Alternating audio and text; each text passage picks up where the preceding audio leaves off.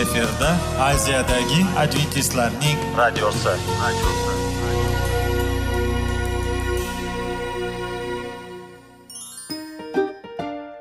assalomu alaykum radio tinglovchimiz dasturimizga xush kelibsiz va bizni tinglayotganingizga sizdan judayam minnatdormiz bugungi bizning dasturimizning nomi sog'liq daqiqasi deb ataladi va biz sizlarga bu dasturda mevalarning foydasi haqida so'zlab bermoqchimiz ya'ni uning tarkibi uning tarixini va foydali xususiyatlari haqida. Aziz do'stlar mevani iste'mol qilish kerak ekan va biz boshladik ketdik. Sog'liq daqiqasi soliqning kaliti qiziqarli ma'lumotlar faktlar. Har kuni siz uchun foydali maslahatlar. Sog'liq daqiqasi rubrikasi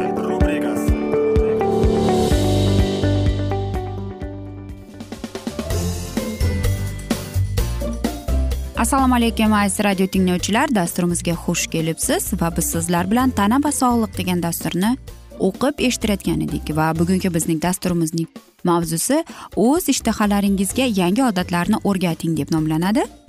Albatta judayam ko'p yoshligimizda biz ovqat yeyishni xohlamas edik va bizga nimalarni aytib berardi albatta afrikada och qolayotgan bolalar haqida aytib berishar edi lekin biz mana shu so'zlarni eshitganimizda ayniqsa ochlik degan so'zni eshitganimizda bizga juda vahshiylicha ko'rinib qolardi. E, lekin bilasizmi ochlik va ko'p narsalarning o'zimizni ovqatda aytaylik rad etsak bu ayniqsa ko'p ma'noga ega ekan bizning sog'lig'imizga va bizdagi bo'lgan odatlarimizga.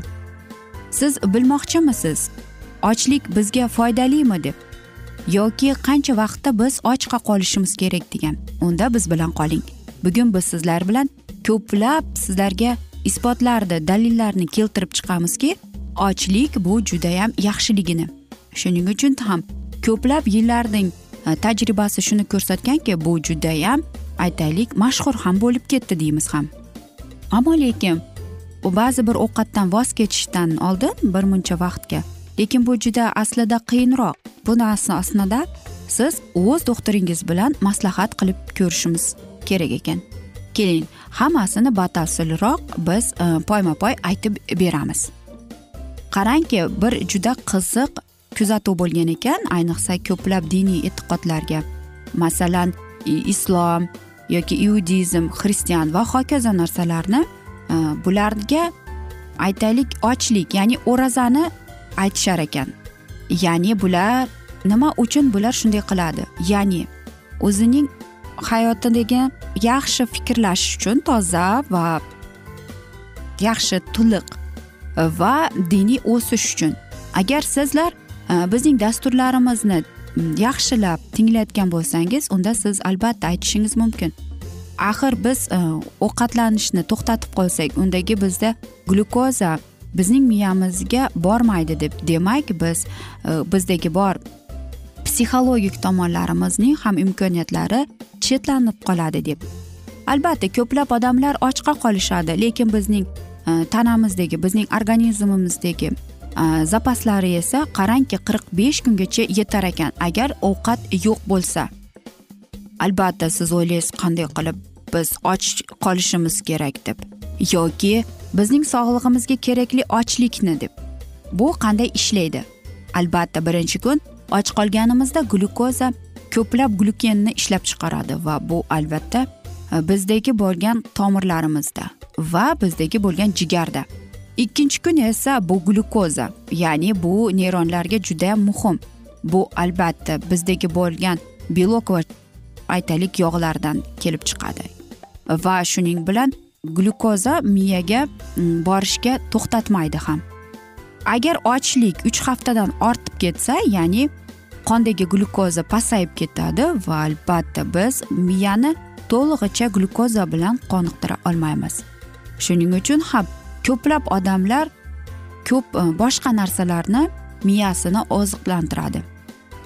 Shuning uchun ham ya'ni bu sut bilan. Agar siz aytaylik e, Э, mana shu narsani miyangizni ishlov vaqtini um, beraman desangiz unda to'g'ri ovqatlanishingiz kerak. Ya'ni demoqchimizki siz e, bir yoki ikki kun ochqa qolishingiz kerak emas birato'la emas e, ba'zida ovqatli yeyishingiz kerak.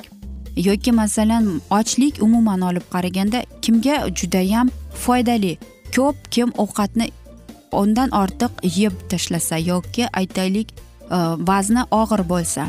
Shuning uchun ham mana shunday tibbiy och qolish bu judayam bizning ishtahamizga yangi odatlarimizni o'rgatib qo'yadi.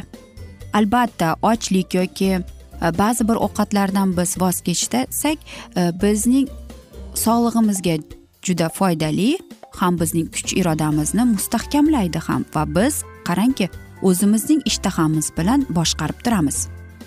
Qanday qilib deysizmi? Qarang.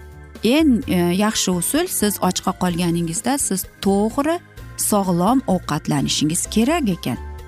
Albatta siz aytasiz buni qanday iste'mol qilib qanday qilishimiz kerak ekan deb.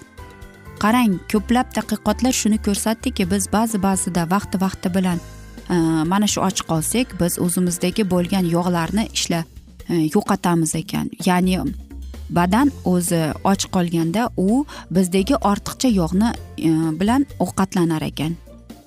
Agar biz ko'p och qolsak qarangki insulin ham judayam katta ishlov berar ekan. Shuning uchun ham ochlik bu judayam katta tajribaga kim e, ko'p ovqat yesa yoki aytaylik kim to'g'ri ovqatlansa ham. Albatta biz aytamizki ko'plab odamlar ayniqsa va og'ir vazn bo'lgan odamlar ular ochlikka chida olmaydi deb lekin biz irodamizni kuchini ishlatsak biz mana shu ochlik davrini yaxshi e, ovqatlanishga to'g'ri ovqatlanishga olib kelamiz. Va qarangki ochlik bizning terimizni tozalashga ham judayam toza beri e, foydali ekan. Hattoki bizning oshqozonimizni bor tanamizni tozalab chiqar ekan.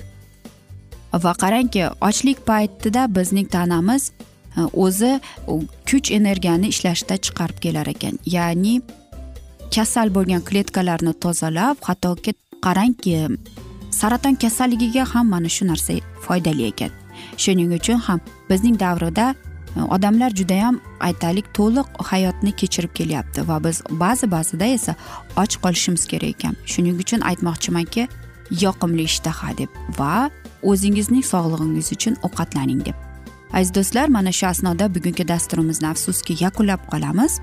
Agar sizlarda savollar tug'ilgan bo'lsa biz sizlarni salomat klub internet saytimizga taklif qilib qolamiz va umid qilamizki sizlar bizni tark etmaysiz deb chunki oldinda bundanda qiziq va foydali dasturlar kutib kelmoqdalar. Va albatta sizlarga va oilangizga tinchlik totuvlik va sog'liq tilagan holda xayrlashib qolamiz.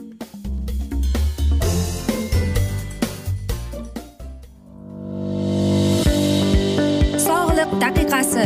Soliqning kaliti. Qiziqarli ma'lumotlar faktlar. Har kuni siz uchun foydali maslahatlar. Sog'liq daqiqasi rubrikasi.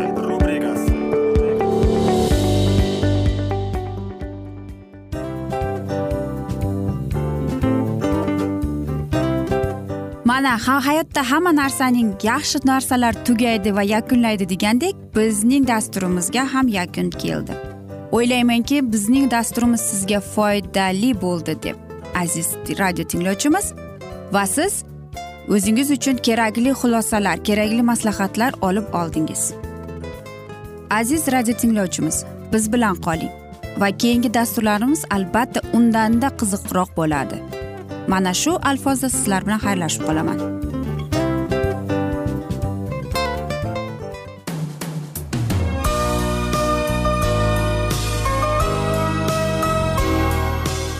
Efirda aziyadagi adventistlarning radiosi.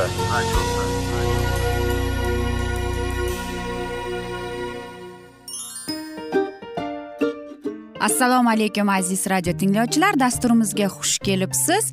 Va sizlarni bugun biz munosabatlar haqida sizlar bilan suhbat qurmoqchimiz. Ya'ni ikki sevishganlar to'g'risida yoki er xotinning o'rtasida bo'lgan munosabatlar haqida.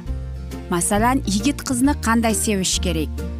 Er xotinni qanday sevish kerak? Xotin erini qanday sevish kerak? Qanday munosabatda bo'lishi kerak ular bir biriga mana shunday haqida bizning mavzuyimiz.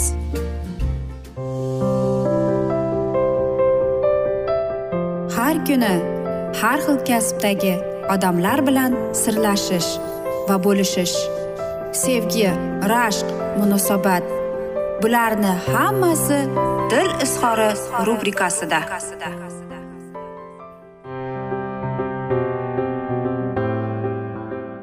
Assalomu alaykum aziz radio tinglovchilar. Dasturimizga xush kelibsiz va biz sizlar bilan erkaklar marsdan ayollar veneradan degan dasturni o'qib eshittirayotgan edik. Va bizning bugungi dasturimizning mavzusi qanday qilib erkak kishi bilan suhbatni boshlash kerak deb nomlanadi. Albatta qanchalik ayol ko'p erkak kishini suhbatga tortmasin va shunchalik qattiq erkak kishi qarshilik ko'rsatar ekan. Axir biz o'zimizning turmush o'rtog'imizni suhbatga tortib bu eng yaxshi usul emas deymiz. Ayniqsa bizning turmush o'rtog'imiz aytaylik o'zining g'orida bo'lsa. Shuning uchun aytaylik e, mana shunday savollarni berishni o'rniga biz aytamiz o'zimizga o'zimiz mana shunday savollar beramiz. Qanday qilib men uni suhbat qursam ekan u bilan deb. U ayol kishi o'ziga savol berish kerak. Qanday qilib unga yaqinlashsam ekan qanday qilib men unga do'st bo'lsam ekan deb savol berish kerak. Shuning uchun ham ayollarda eng ko'p suhbatga muhtojligi bor. Ayniqsa ayollarimiz ko'p e, o'zining suhbatlari bilan gaplari bilan bor ichidagi dardlarini g'amlarini bo'lishib keladi. E, lekin vaqti vaqti bilan erkak kishi mana shunday suhbatlarga qo'shilgisi keladi lekin vaqti bilan esa uzoqlashib indamay jim o'tiraveradi. Va albatta mana shunday asnoda bo'lganda ayollarimiz noto'g'ri tushunib qo'yadi. Masalan aytaylik bir er xotinni olaylik. Nima bo'ladi? Er xotin ishdan charchab keladi. Va albatta charchagan asnoda ayoli eri bilan kun bo'yi uni bo'lgan muammolari haqida bo'lishgisi kelib qoladi va albatta u aytadi. Sen e, meni birozgina tinglash vaqting bormi deb. Menda bugun judayam og'ir kun bo'ldi va men sen bilan mana shu haqida e, gaplashmoqchiman. Va albatta sen bilan suhbat qurganimdan keyin men albatta o'zimga kelib olaman deb aytish kerak. Va bir necha daqiqadan so'ng u o'zining turmush o'rtog'iga bor ichidagi dardlarni aytgandan keyin u bir narsani payqab qolib aytdi. Men rostdan ham senga chin ko'ngildan minnatdorman. Sen mening hislarimga bor e'tiboringni qaratganing uchun. Bu men uchun judayam qadrli deb aytadi. Qarangki mana shunday baholash mana shunday erkak kishiga shirin so'zning o'zi kifoya ekan va albatta bu erkak kishini ilhomlantirib u sizga yanada ko'proq e'tibor ajratishni xohlab qoladi. Agar ayol kishi indamay Э, faqatgina gapirib gapirib turib э, indamayki indamay burilib ketsa erkak kishining keyingi safargi suhbatiga umuman na xohishi bo'ladi na istagi bo'lib qoladi. Shuning uchun ham erkaklarimiz ayollaridan mana shunday aytaylik minnatdorchilik so'zini eshitgandan keyin va u tushunadiki qanchalik ayolga muhimligini va mana shu suhbatning qadrligini va u uni hurmat qilishga o'rganib qoladi. Erkak kishi suhbatni xohlamasachi? Qarangki bir er xotin o'n ikki yildan beri turmush qurgan ekan. Bir kun esa ayoli ajrashishni undan so'rabdi. Lekin uning turmush o'rtog'i esa mana shu oilani saqlab qolmoqchi bo'libdi va u ayoli bahsda shunday debdi. Qanday qilib biz oilamizning davomini o'ylashimiz kerak? Sen qanday qilib mana shu narsalarni suhbat qilasan? deb u doimo bahs qilishni boshladi. Sen meni sevmaysan axir. Sen umuman menga hech qanday hislarni etmaysan deb. Menga sen bilan gaplashgim kelib qolganda sen ketib qolaverasan. Sen judayam sovuq e, va e, bag'ritosh insonsan. O'n ikki yildan beri sen xuddi shunaqasan. Men mana shunday narsalarni kechirishni xohlamayman ham va sen bilan qolishni xohlamayman debdi. Va men sendan charchadim. Deb gapirgan ekan. Lekin bu ayol ham tushunmaganki qanday qilib bu mana shunday narsalari bilan o'zining muammolarini tug'dirganini va u faqatgina erini ayblar edi u o'ylardiki o'n ikki yil davomida u hamma narsani qildi. Faqatgina mana shunday iliq va chiroyli go'zal oila bo'lish uchun. Uning turmush o'rtog'i esa unga qarshilik ko'rsatyapti deb his qilar edi. Va albatta mana shunday narsalarda e, biz aytamizki qanday qilib e, biz noto'g'ri tushunamiz ekan.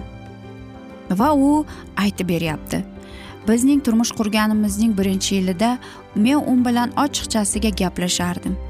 Men u bilan o'zimning hislarim bilan bo'lishardim. U esa ketib qolaverardi. Boshida men ham o'ylardim u meni sevmaydi deb. Va bu mana shunday narsalar bir necha bor takrorlandi deb. Va men oxir oqibat umuman hech narsa qilmay qo'ydim deb. Chunki men mana shu og'riqni yana his qilgim kelmadi deb. Va men uni o'z holiga qo'yib qo'ydim deb aytadi. Qarangki bu er xotinning suhbati qanday bo'lgan? Faqatgina bir tomonlama bo'lgan ya'ni ayoli suhbat qurgan. E, lekin esa u tushunmas ediki uning turmush o'rtog'i judayam kam gapiruvchan inson va albatta u og'ir vazmin inson edi. Va qarang bir taraflama suhbatlar qanday bo'ladi? Masalan aytaylik e, xotin aytadi sening kuning qanday o'tdi? deb turmush o'rtog'i aytadi yaxshi xotini yana boshlaydi nima bo'ldi? deb u yana aytadi hech narsa hammasi har doimgidek deb xotini undan so'raydi. Dam olish kunlariga qandaydir bir narsa qilamizmi desa eri javob beradi. Menga baribir sendachi deganda ke do'stlarimizni taklif qilamiz deydi ayoli. Eri esa e, aytadi bilmayman senda agar mana shunday bo'lsa vaqting bo'lsa chaqiraver deb aytadi. Va albatta ayoli aytadi nega sen men bilan umuman gaplashmaysan deganda eri jim qoladi. Xotini yana so'raydi sen meni sevasanmi? deganda uning eri aytadi albatta sevaman. Men axir senga uylandimku deb. Va u aytadi sevaman yetarli emas. Biz umuman suhbat qurmay qoldik. Qanday qilib sen shunday jimgina o'tiraverasanmi? Bir sog'iz so'z gapirmasdan. Senga hammasiga baribirda deb aytadi. Va mana shu asnoda qarangki ikkalasining bir tomonlama suhbat bo'lgan va vaqti vaqti bilan mana shunday janjallar bahslarning ko'tarilishi bo'lib keldi va oxir oqibat u ayoli ajrashishga qaror qiladi. Lekin gap unday emas gap faqatgina bir tomonlama suhbat bo'lgandi. Tushunmovchilikda. Axir e, biz har xil insonlarmiz. Shuning uchun mana shunday tushunmovchilikni orqasidan mana shunday bahslar ko'tariladi. Aziz do'stlar afsuski mana shunday asnoda biz bugungi dasturimizni yakunlab qolamiz chunki bizning dasturimizga vaqt birozgina chetlatilgani sababli ammo lekin keyingi dasturlarda albatta mana shu mavzuni yana o'qib eshittiramiz. Va albatta biz umid qilamizki sizlar bizlarni tark etmaysiz chunki keyingi dasturlarimiz bundanda qiziq va foydali. Va sizlarga yuzingizdan tabassum hech ham ayrimasin deb seving seviling deb xayrlashib qolamiz.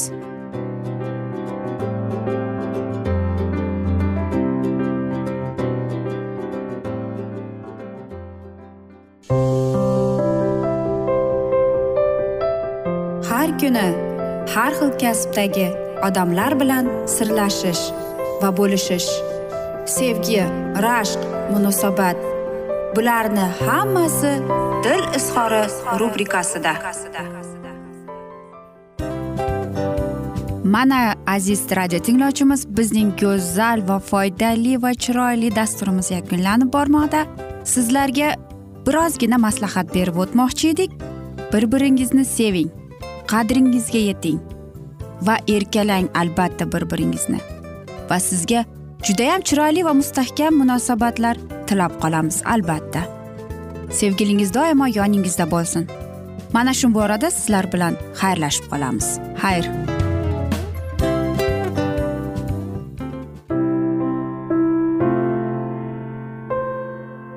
Hayotning noni.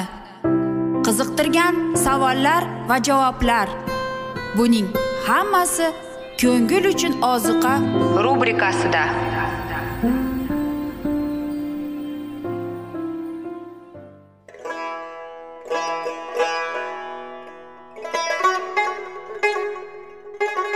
Assalomu alaykum aziz va qadrdon radio tinglovchimiz. Dasturimizga xush kelibsiz.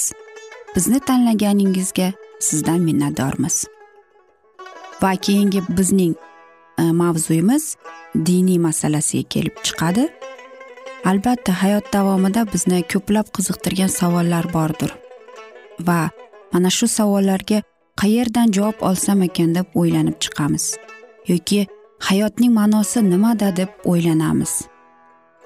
Mana shunday dasturlar o'ylaymanki siz sizga foyda bo'ladi deb. Aziz do'stlar e, bugungi bizning mavzuyimizning nomi vahiy kitobning ochilishi. Ya'ni bu muqaddas kitobda shunday deb yozilgan. Vahiy kitobning bizga bo'lgan buyuk sovg'asi deb. Albatta mana shunday kitobni eshitib quloq solib e'tiborli bo'lsak biz o'zimizning qiziqtirgan hayotning ma'nosini tushuntirgan bizni kelajakda nima kutayotganini mana shu kitobdan bilib olamiz albatta. Va xudoyim bizga qanday rejalar ochgan bizga qanday kelajak kutayotganini aynan mana shu kitobda yozilgan va bizga mana shu kitob orqali xudoyim bizga aytib bergan. Keling aziz do'stlar mana shu kitobni e'tiborli va yaxshilab quloq solib va chuqurroq nazar solaylik shu muqaddas kitobga.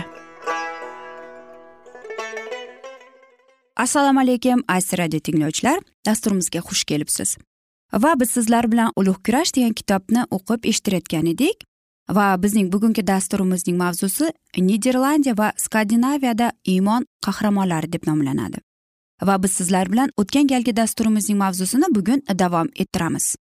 U jiddiy haqiqiy solih odam bo'lib odamlarga o'rgatgan va keyin ular katta ishonch bilan foydalangan tamomiylarni o'z hayotida mujassam etdi. Uning har yoqqa tarqalib ketgan izdoshlari katta qiyinchiliklarni boshlaridan kechdi. Ularni mutassib myunsterlar bilan bir deb adashganlari uchun ko'p azob chekdilar. E, baribir mennaning mehnatlari va harakatlari bilan ko'pchilik xudoga yuz burdi. Biron joyda islohotchilar ta'limoti biron mamlakatda uchramaydigan uchrasa ham kam hodisa hisoblangan taqiblarga qaramay niderlandiyadagiday yakdillik bilan qabul qilinmagan germaniyada karl beshinchi islohotni taqiqladi. Islohotchilarning izdoshlari mamnuniyat bilan gulxanga tashlashga rozi edi ammo knyazlar uning zo'ravonlikka astodil va mardlarcha qarshilik ko'rsatdilar. Niderlandiyada karl beshinchi hokimiyati kuchli edi. U yerda to'xtovsiz ravishda taqiblar va quvg'inlar to'g'risida farmonlar chiqib turardi. Muqaddas kitobni o'qish uni vaz qilish va vazlarni eshitish hatto u haqda shunchaki gapirish o'zini gulxanga duchor qilishni anglatar edi. Qo'lning ijodi mahsuli oldida emas balki xilvat joyda xudoga ibodat qilish sano qo'ylash va o'limga loyiq jinoyat hisoblanardi.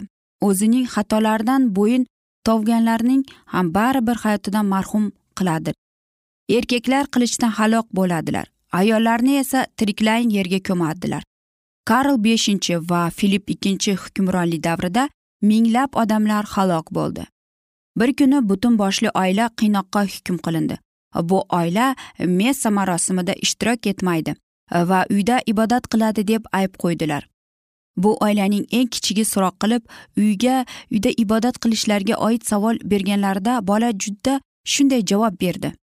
Bit tiz cho'kib xudoyim ongimizni ochsin gunohlarimizni kechirsin deb ibodat qilamiz. Biz qirolimiz uchun uning qo'l ostidagi yerlarda hamma narsa yaxshi bo'lsin deb ibodat qilamiz. Shaharimiz boshliqlari xudo saqlasin deb ibodat qilamiz.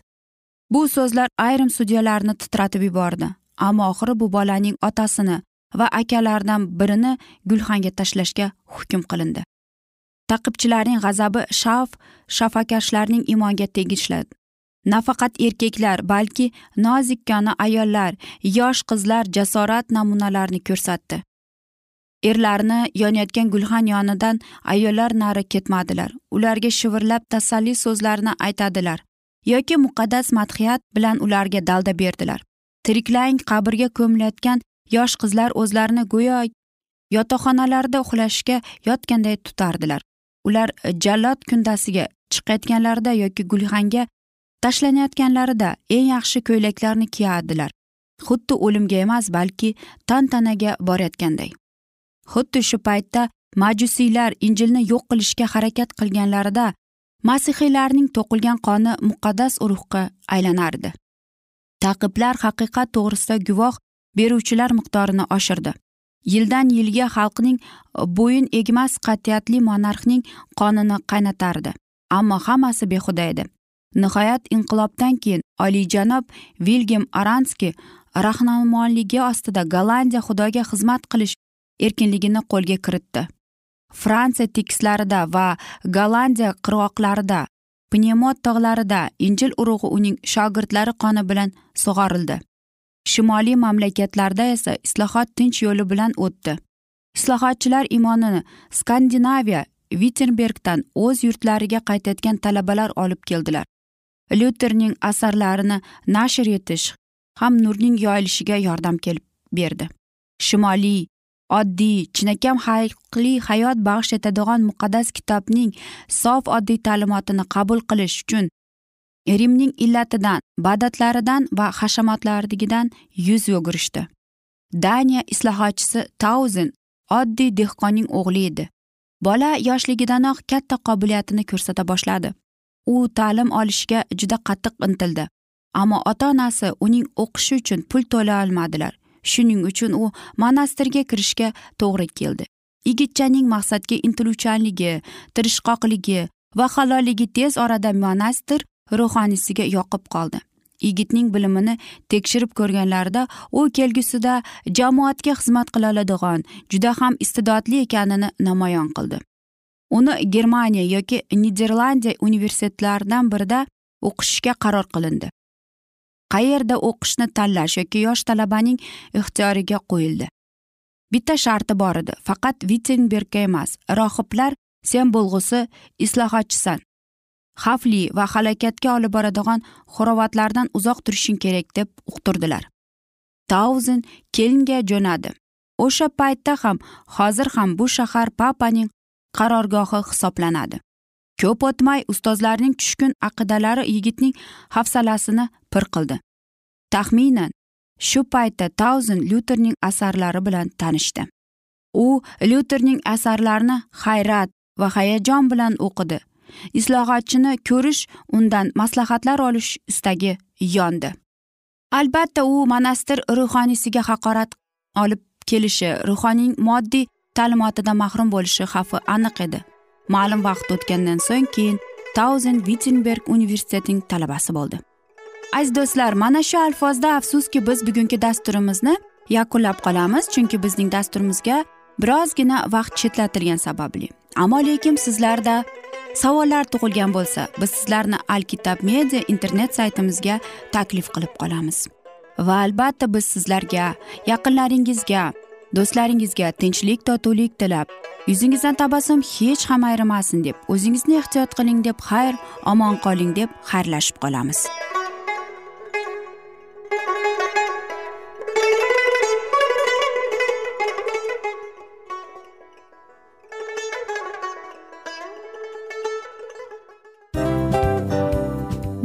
Aziz radio tinglovchimiz hamma yaxshi narsaning yakuni bo'ladi degandek bizning ham dasturlarimiz yakunlanib qolmoqda. Aziz do'stlar o'ylaymanki bizning dasturlarimiz sizlar uchun judayam foydali bo'ldi deb bizning dasturlarimizdan siz o'zingizga foydali va judayam kerakli maslahatlar oldingiz deb. Masalan sog'liq borasida.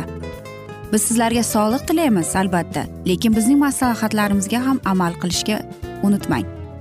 Munosabatlarga kelganda bu munosabatlar chuqur va yaxshi bo'lishi uchun uni ustidan ishlash kerak albatta. Diniy masalaga kelsak aziz do'stlar bu judayam jiddiy va chuqur nazarni talab qiladi. Ammo biz sizlar bilan xayrlashib qolmaymiz keyingi dasturlarda eshittirishimizni davom ettiramiz va sizlar bilan mana shu yaxshi kayfiyatda xayrlashib qolamiz. Va keyingi dasturlarda ko'rishguncha xayr!